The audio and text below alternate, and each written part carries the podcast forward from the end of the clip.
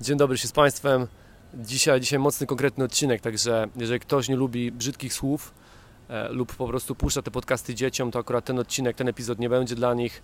Jeżeli ktoś ma wrażliwe właśnie uszy na, na brzydkie słowa, no to przepraszam i od razu mówię, że tutaj się ich trochę pojawi dzisiaj z różnych powodów e, i że no będzie mocno, będzie mocno dzisiaj. Najpierw będzie sprawozdanie z kilku ostatnich dni, dlatego że ja wróciłem dzisiaj z rzeki e, Kinabatangan, to jest Borneo, to jest Malezja. E, aktualnie siedzę na, na doniczce e, przed hotelem Sheraton w Sandakanie. Ja wiem, że zawsze kiedy mówię o swoich miejscach, które nagrywam, to to brzmi dziwnie. Dzisiaj akurat jest takie miejsce, dlatego że po prostu na ulicach tutaj jest za duży hałas. Gra po prostu tandetna muzyka głośna. Jest bardzo dużo ludzi a, a w hostelu mam za dużo, znowu za dużo osób, więc też nie mogę tego nagrać na, na spokojnie, no bo wiadomo, że to będzie trwało pewnie się z 20 minut, e, więc, więc no musiałem się przejść, błąkałem się tutaj po ulicach, aby, aby móc nagrać ten podcast. E, no i wylądowałem właśnie na, na doniczce przed hotelem. Wracając, wróciłem z rzeki Kinabatangan, mm, to jest, to jest bardzo ciekawe miejsce, e, jeżeli ktoś wybiera się na Borneo, E, to na pewno, na pewno jeżeli tam będzie robił jakiś, mm, jakiś rekonesans, to na pewno trafi na to miejsce. E, sama rzeka jest ładna, ale sprawia, no właśnie to jest kolejna rzecz, o której nie mówią Wam podróżnicy, albo mówią bardzo rzadko, e, to jest to, że przy tych długich podróżach, podróżach, gdzie tam gdzieś wyłamujesz się z oficjalnego szlaku, rośnie Twoja nienawiść po prostu, rośnie Twoja nienawiść do ludzi, do miejsc, do, do korporacji, do państw. Dzisiaj to, o czym będę mówił też, to jest, to jest część tego, co się będzie pojawiało na prelekcjach, E, więc no, jeżeli ktoś planuje się wybrać na prelekcję, no to już dzisiaj będzie miał taki jakby przedsmak tego, albo, albo część po prostu żywcem wyjęta będzie z tych, mm, z tych rozmów. E, no ale, no ale muszę, muszę o tym powiedzieć już wcześniej. Nie, nie utrzymam tego w sobie po prostu. Tak jak mówię, rośnie twoja nienawiść do ludzi, do świata, e, dlatego że widzisz po prostu, jak traktujemy się nawzajem, jak traktujemy przyrodę, jak traktujemy środowisko, jak to wszystko nastawione jest na, na skrajny zysk po prostu i na wykorzystanie ludzi, surowców, drugiego człowieka i widzisz jak komunizm niszczy umysły, widzisz jak skrajny kapitalizm tworzy, tworzy z ludzi niewolników i po prostu nie robi sobie nic z otoczenia. I gdzieś będąc w tym wszystkim, jeżeli masz świadomość, jeżeli rzeczywiście dostrzegasz te właśnie szczegóły i detale, ach, bardzo ciężko jest powstrzymać takie negatywne emocje, takie negatywne uczucia. A jeśli jeszcze zmiksujesz to z, z po prostu z z niektórymi treściami, które pojawią się, pojawiają się na social mediach i z niektórymi po prostu materiałami tam, no to masz taką bombę, jaką ja jestem dzisiaj. No ale wracając, wracając, najpierw Brunei, bo skończyłem ostatni podcast Bunamiri, e, czyli wyjeżdżałem do Brunei, e, dojechałem do Brunei, ale problem polegał na tym, że złapała mnie ulewa i tutaj w Azji, jeśli pada deszcz, to bardzo często jest to ściana wody. To nie jest tak, że pada sobie lekki deszczyk, czy jest mrzawka, no tylko po prostu sypie na ciebie, no tak jakby ktoś lał po prostu z wiadra. E, miałem 20 minut od e, przystanku autobusowego do swojego hostelu. Doszedłem całkowicie mokry, mimo tego, że miałem na sobie poncho takie przeciwdeszczowe i mimo tego, że, że ukrywałem się jak najmocniej pod wszelkimi daszkami, mm, pod wszelkimi drzewami, całą resztą, no masakra, masakra. Po prostu deszcz lał niemiłosiernie. E, spędziłem całą resztę tego dnia mm, już w hostelu, susząc po prostu rzeczy. No nie mogąc nawet wychylić się na moment, bo, bo, bo deszcz nie odpuszczał. Mm, udało mi się tylko wyskoczyć na wieczór mm, z dwójką, z dwójką innych podróżników, e, z taką dziewczyną z Belgii i z koleżką z, e, ze Szwajcarii. To jest znowu taka sprawa, widzisz, Wesołe jest podróżowanie, wesołe są przygody, no ale to jak nas postrzegają ludzie często przez pryzmat różnych, przez pryzmat różnych um, innych sytuacji, ach, jest irytujące czasami. Wiesz, pierwsze zdania, e, kiedy witasz się z podróżnikami e, i laska ta, ta z Belgii mówi do mnie, no tam mówi tam dzień dobry, dziękuję, coś tam jeszcze mówi, no bo, bo ja mam taką panią, co sprząta i ona jest z Polski. I to od razu tak ci wiesz, jakby resetuje trochę klimat rozmowy, dlatego że trochę nie wiem, jak się do tego odnieść. W sensie akurat ten detal nie jest istotny w tej rozmowie, jakby w rozmowie czy w poznawaniu drugiej osoby, no bo ja nie sprzątam. Skończyłem studia w Anglii, robiłem kilkanaście różnych prac, mniejszych, lepszych, gorszych e, czy fajniejszych. Jakby to wtrącenie, nie wiem, nie wiem co ma na celu i oczywiście zaraz się znajdą osoby, które powiedzą, no tak Artur, no ale to zależy od, od tego na kogo trafiasz, to są po prostu osoby może niewykształcone, może nieobyte, Ach, proszę Cię, to jest 90% osób, na które trafiasz. To jest, wiesz, te, te które będą miały wystarczająco taktu i, i powiedzmy obycia jakiegoś, to jest jakieś 10% ludzi na świecie, a reszta są po prostu zwykli ludzie, którzy posługują się, czy, czy mocno mm, gdzieś tam mają zakorzenione w sobie stereotypy. I to tak samo siedzi w nas, bo, bo kiedy poznajesz, nie wiem, ludzi na przykład z Rumunii czy, mm, czy z Bułgarii, to też masz określony już obraz w głowie tych ludzi, czy, czy rzeczy, które się z nimi kojarzą. I, i, i tak samo mamy my właśnie, dlatego to podróżowanie w przypadku posiadania polskiego, polskiego paszportu no nie zawsze jest usłane różami. Ale wracając, Brunei, udało nam się wyskoczyć, udało nam się wyskoczyć wieczorem, e, zwiedzić jeszcze e, most, który jest tutaj atrakcją. E, dziwna sprawa, bo to taki no, nowo wybudowany most, tylko to jest e, drugi na świecie najdłuższy most z jednym przęsłem, z tego co przynajmniej zrozumiałem od naszego przewodnika. E, później wybraliśmy się do dwóch meczetów. Tutaj panują, w Brunei panują bardzo restrykcyjne zasady, bo jest to bardzo skrajnie muzułmański kraj. Obowiązuje też prawo szariatu. Odwiedzać te, te mm, meczety możesz tylko w określone dni, w określonych godzinach. E, znowu warto o tym pamiętać, zanim się człowiek tutaj wybierze. E, na przykład nie można obserwować w piątki, nie można odwiedzać praktycznie, większość tych miejsc jest zamknięta. Ja akurat przyjechałem w czwartek, wyjeżdżałem w piątek, więc no jakby idealnie ułożyłem sobie ten plan wycieczki, idealnie mi się udało trafić. Ale wracając, nie możesz tam robić zdjęć, nie możesz niczego fotografować, ani, ani kręcić żadnych wideo. E, bardzo surowy klimat. Ludzie są, są grzeczni, kulturalni, ale jednocześnie wyczuwasz taką napiętą trochę atmosferę. Wiesz, że to nie jest tak jak e, w innych świątyniach, jak w świątyniach buddyjskich, czy jak w, jak w kościołach chrześcijańskich nawet. Wiesz, że tutaj jest po prostu taka, wyczuwasz taką, taką trochę nerwówkę, mm, będąc tam i, i obserwując te rzeczy. No ale, no ale byliśmy w, w dwóch meczetach e, i, i na nocnym targu. I na tym, zakończył się, na tym zakończył ten pierwszy dzień. W drugi dzień wstałem o 6 rano, dlatego że mieliśmy od razu umówioną kolejny szybki wypad e, łodzią na, e, na wioskę, która, bo generalnie Brunei to kiedyś była po prostu, ta stolica przynajmniej, to była kiedyś po prostu wioska na wodzie. Tam mieszkało 30 tysięcy osób, mieli swoje normalne szkoły, straż pożarną, policję, E, no wszystko praktycznie było zbudowane na palach, na wodzie. E, I, I, teraz pozostałości są tej wioski, dlatego że miłościwy sułtan wybudował ludziom domy, przesiedlił sporą część z nich, tam zostało aż tylko 9 tysięcy osób zostało już w tej wiosce. Nie wiem do końca, czy oni po prostu nie chcą się wyprowadzić, czy, czy zabrakło dla nich mieszkań, tego jeszcze nie wiem. E, ciężko w ogóle, tak jeszcze przechodząc na moment, ciężko w ogóle dostać jakiekolwiek informacje odnośnie Brunei, jakieś rzetelne sprawy. Dlatego, że kiedy tam podróżujesz i przeładzasz się dookoła, to to trochę, to trochę przypomina film e, Dyktator, e, ten, w którym grał tam Sasha Ben Cohen, e, czyli Borat, znaczy znany bardziej jako Borat. Bo trochę tak to wygląda wszystko. Wszyscy mówią o sułtanie same dobre rzeczy, że to sułtan bardzo dobry. Jest, są jego w ogóle zdjęcia, na, na jakim jednym stadionie jest jego zdjęcie, gdzie on jest ubrany po prostu w wojskowy uniform, ma, ma ten czarny beret i okulary. No wygląda po prostu jakby, no jakbyś go wyciągnął ze sceny z filmu. Od razu mi się przypomina ta jedna ze scen tam, gdzie mówi mamy syna czy aborcję? I, to, i, to, I to po prostu idealnie jakby oddaje też klimat tego miejsca. Nikt nie mówi żadnych złych rzeczy. Myślę, że żeby poznać prawdziwe Brunei, trzeba byłoby tam no pięknie, tak panowie na motorach, może, może szybciej? Czy tu będziecie teraz kółeczka kręcić? No. Um, że ciężko jest poznać klimat tego Brunei. Ciężko jest, do, musiał, musiałbym pewnie spędzić tam więcej czasu, porozmawiać trochę z, z, ludźmi, zdobyć trochę ich zaufania pewnie, żeby dostać taką prawdziwą opinię. Dlatego, że no, majątek sułtana jest, jest potężny, on po prostu ma ileś tam miliardów dolarów, e, bo jego rodzina ma, ma złoża ropy, po prostu ma, ma położyła rękę na, na złożach ropy. A reszta narodu niby nie ma źle, bo, bo mają służbę zdrowia za darmo, mają edukację też, E, z Afryką, z tego co wiem.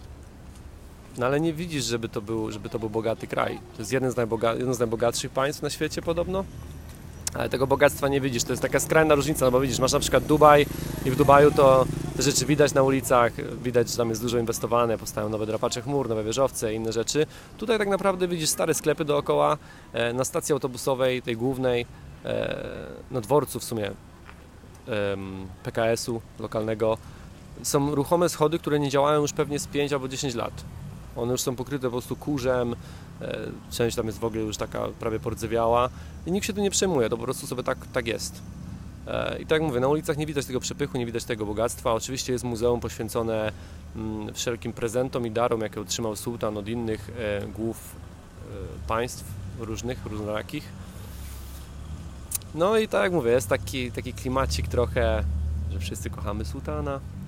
E, do tego, kiedy idziesz przez miasto, bo kiedy szedłem pierwszego dnia i, i, i padał ten, ten turbo deszcz, to jest tak, że kiedykolwiek rodzina, mm, ktokolwiek z rodziny tej, tej królewskiej wyjeżdża z, z tego ich pałacu, to jest największy pałac na świecie, generalnie ma 1800 pomieszczeń, ale nie wygląda jakoś, jakoś spektakularnie z zewnątrz, bo jest ukryty za drzewami, za wysokim murem, więc niewiele widać.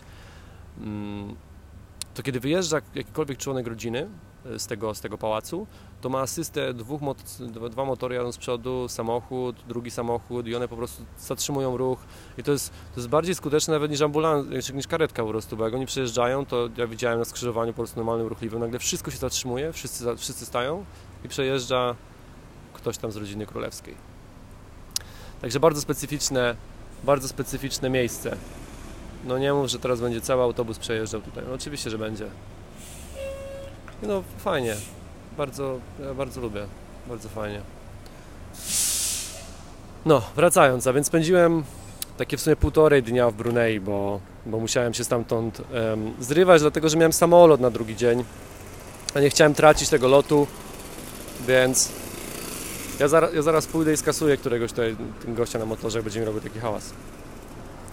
Więc musiałem, musiałem się zawinąć. E, na lotnisku leciałem liniami Royal, Royal Brunei, czyli tymi królewskimi.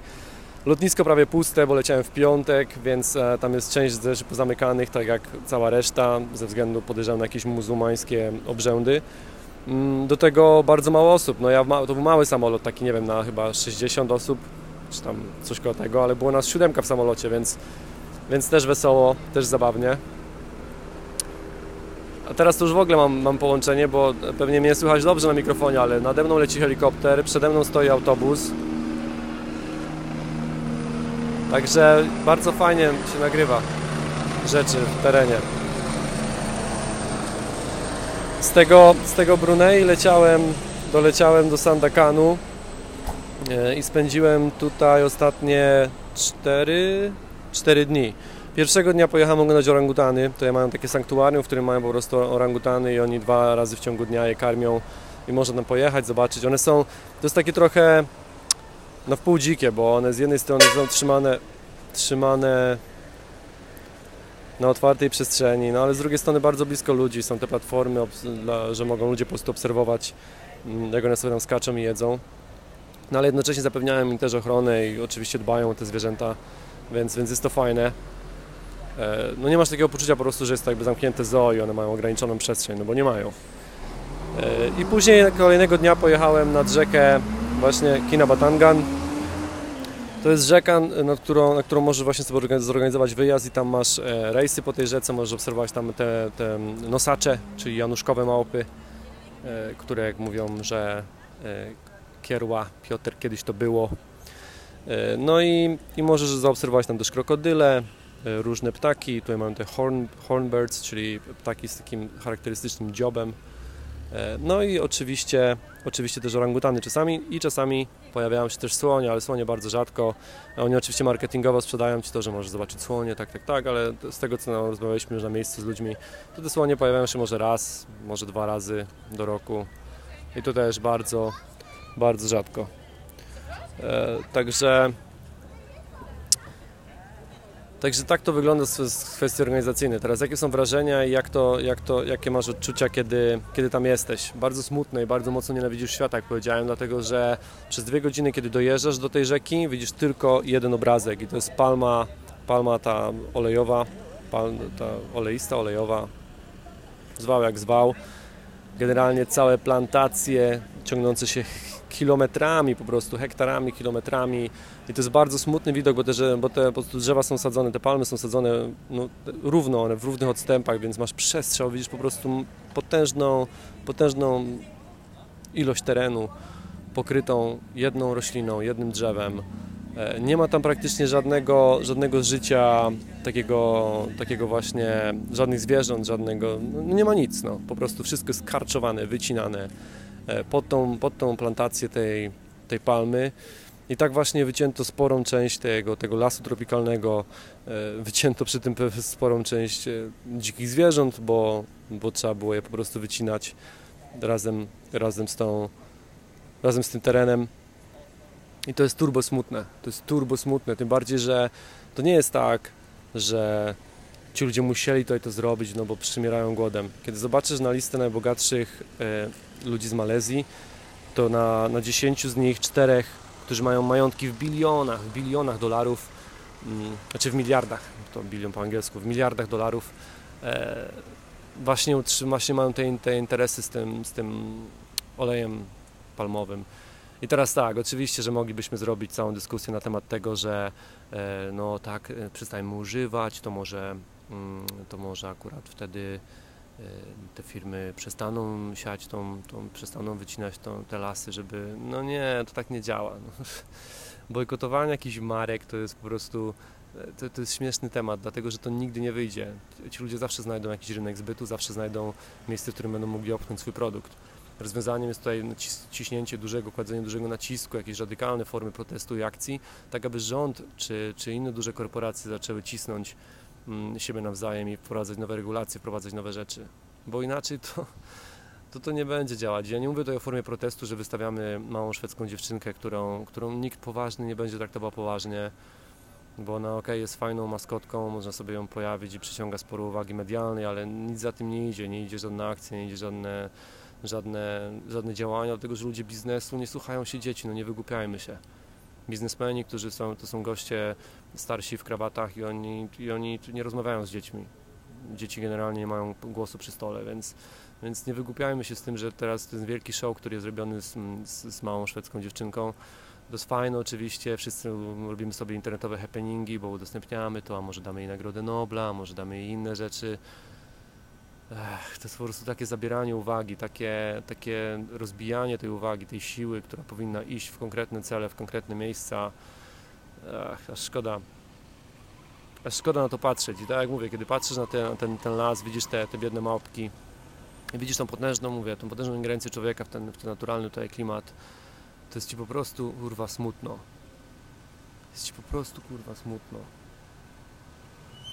Bo to nie jest tak, że my nie mamy miejsca na ziemi, to nie jest tak, że nie możemy zrobić tego w innym miejscu, tylko po prostu pchani rządzą zysku, robimy rzeczy tak, żebyśmy jak najszybciej zyskali, jakbyśmy jak najszybciej wyciągali pieniądze, bo pieniądze są dla nas najważniejsze. I przez to właśnie nie szanujemy niczego i nikogo.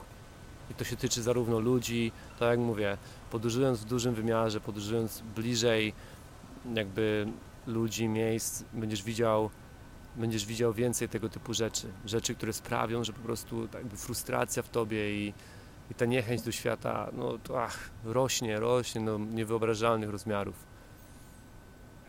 I, I teraz ciężko, ciężko jest to wszystko w sobie utrzymać. Ale żeby nie było, że tak tylko, tak tylko cały czas cisnę o, o jednej rzeczy, też wrócę jeszcze do tego tematu tych palm i, tego, i całej tej wycieczki. A czy nie, jeszcze jedno, jeszcze jedna rzecz. E, wiele podróżników, e, kiedy mówi o swoich przygodach, czy kiedy wybiera się na swoje przygody, chce, aby one były jak najbardziej unikatowe i autentyczne. I oczywiście bardzo często wy, wyrażają się negatywnie o zorganizowanych wyjazdach, e, o takiej turystyce jakby w większym wymiarze. Teraz tak, jakkolwiek podróżuję na szlaku i poza szlakiem, tak uważam, że część miejsc musi być regulowana i że podróżnicy, w tym tacy ludzie jak ja, robią często, gęsto złą robotę. Dlatego, że jest nas coraz więcej, coraz więcej osób podróżuje, stała się na to moda, stał się na to hype. I teraz, jeśli uważasz, że e, musisz przeżywać unikatowe przygody i ty nie możesz iść tam, gdzie idą turyści, tylko musisz iść akurat w las, tam, gdzie nie ma innych turystów, nie ma innych ludzi, bo to musi być przeżycie jak najbliżej natury, to pomyśl sobie, że takich ludzi jak ty jest na świecie ze 100 tysięcy, i oni wszyscy będą chcieli wejść w ten las unikatową ścieżką, unikatową drogą. Czy będą chcieli wybrać się na tą rzekę unikatową ścieżką, unikatową drogą. Więc pomyśl teraz, jak będzie wyglądał ten las, kiedy 100 tysięcy ludzi takich jak ty będzie chciało robić swoje niezwykłe przygody.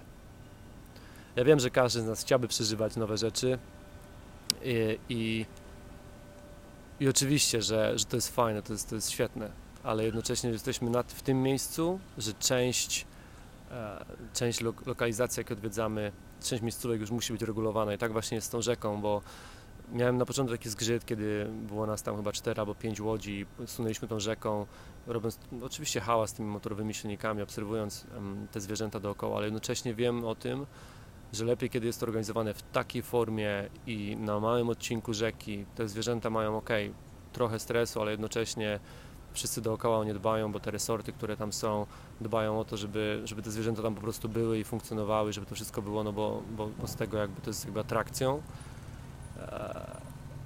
I wiem, że kiedy jest to tak regulowane, to, to jest miejsce na to, aby reszta tego lasu, czy reszta innych miejsc mogła sobie żyć swoim dzikim życiem a w momencie, w którym zaczniemy wpuszczać coraz więcej właśnie podróżników, tych niezależnych, tych ludzi, którzy chcą przeżywać szalone przygody, to oni zaczną wyznaczać nowe trasy, pojawią się nowe interesy i rozrastający się rynek turystyczny pożre to wszystko po prostu swoim, swoim wielkim, nigdy nie nasyconym brzuchem. Więc tak, myślę, że myślę, że spora część tego wszystkiego to rozwaga i dlatego ja nie, ja nie, nie wypowiadam się nigdy krytycznie o ludziach, którzy robią E, jakieś komercyjne wycieczki też w trakcie swoich wypraw, bo wiem, że jest to, jest to jakby złoty środek. Ok, możemy robić sobie w niektórych miejscach wypady mniej zorganizowane, ale jednocześnie w części miejsc mniej lub bardziej lepiej, kiedy, kiedy robimy to w taki właśnie ograniczony sposób. A teraz, a teraz jeszcze zmiana mała tematu, bo to jest temat z dzisiaj. Zrobiłem o tym, o tym całe story na swoim Instagramie. Czyli o tym przehajpowaniu, turbo przehajpowaniu turystycznym, podróżniczym i o tym, jak można używać niewłaściwych słów do swoich relacji, do swoich rzeczy. E, ostatnimi czasy mam to nieszczęście, e, że po prostu trafiam pechową na profile podróżnicze, bo one mi się wyświetlają nam sugerowanych, ludzi, którzy po prostu trzaskają czasami takie kocoboły, że mi się to aż ciężko czyta, i uważam, że jest to bardzo obraźliwe w stosunku do wielu osób. E, punkt pierwszy. Czytam post podróżniczych influencerów, którzy mówią, że wrzucali storki codziennie i post codziennie, a później co drugi dzień i wrzucają do tego razem w tym całym, w tym całym poście pojawia się, że zapierdalaliśmy. Teraz tak. Dlaczego mówię, że to razi? Dlaczego mówię, że to, że trzeba uważać czasami jakie określeń się używa? Możliwe, że oni robią to nieświadomie, bo rzeczywiście z ich punktu odniesienia, z ich doświadczeń życiowych, to rzeczywiście mogło być zapierdalanie. Ale zdarzyło mi się w życiu zapierdalać kilka razy, w kilku miejscach.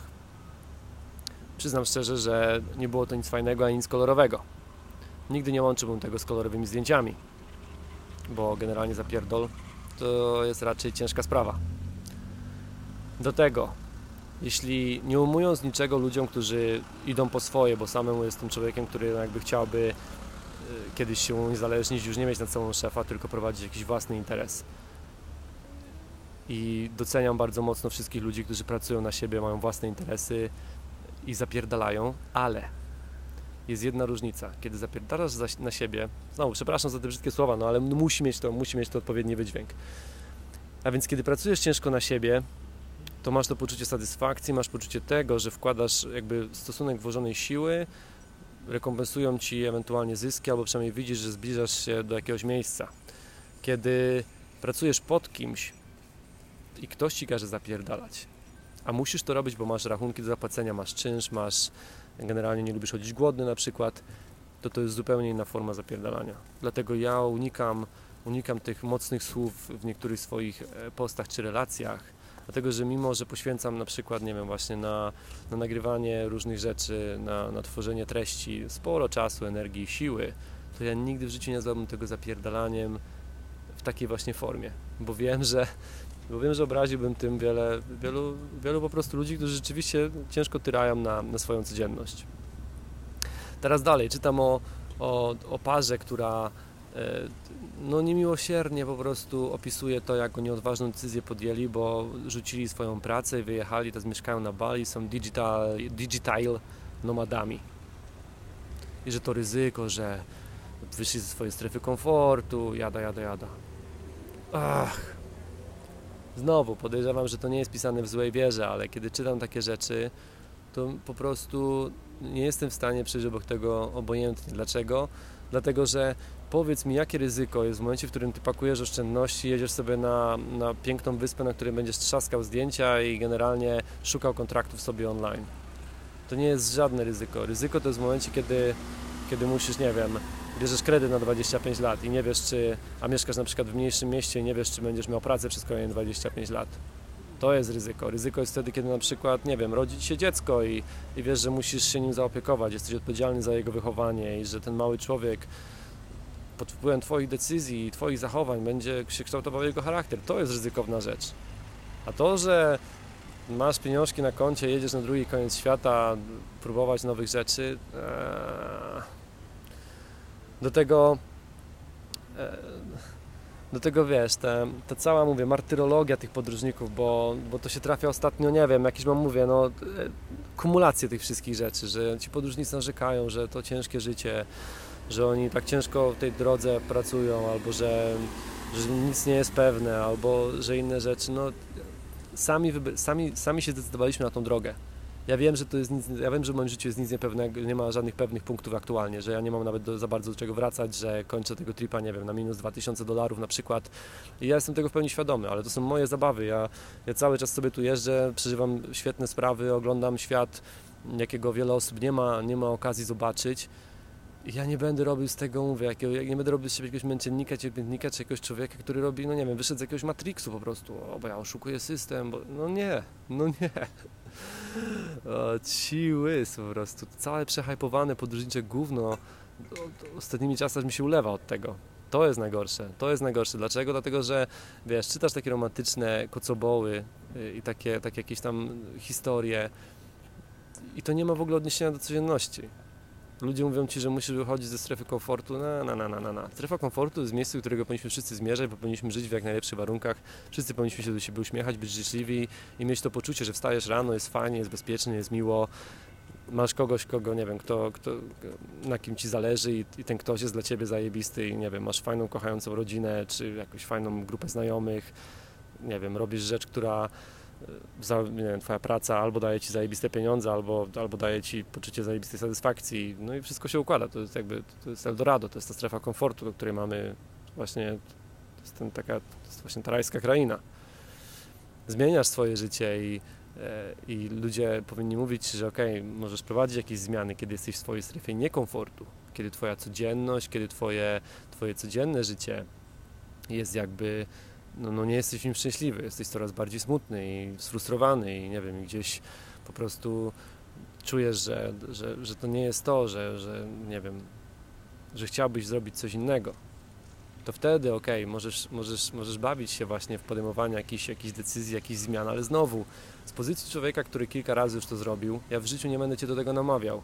Ja w życiu nie powiem Ci rzuć wszystko i wyjeźdź na drugi koniec świata, bo podróże nie dadzą Ci odpowiedzi na Twoje pytania.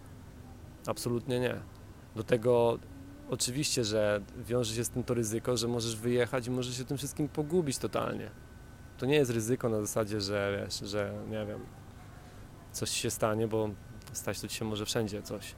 Ale generalnie jest taki patent, że wiesz, że, że to nie jest dla wszystkich. To nie jest dla wszystkich, a, a wydaje mi się, że ostatnimi czasy tacy właśnie pato-influencerzy, motywatorzy różnie, różnego rodzaju, bo to też była taka rozmowa dwóch gości, co sobie siedzieli na Bali i mówili, że no trzeba wyjść z Matrixa, trzeba się odważyć. Też bardzo popularnych dwóch gości. No nie, no nie.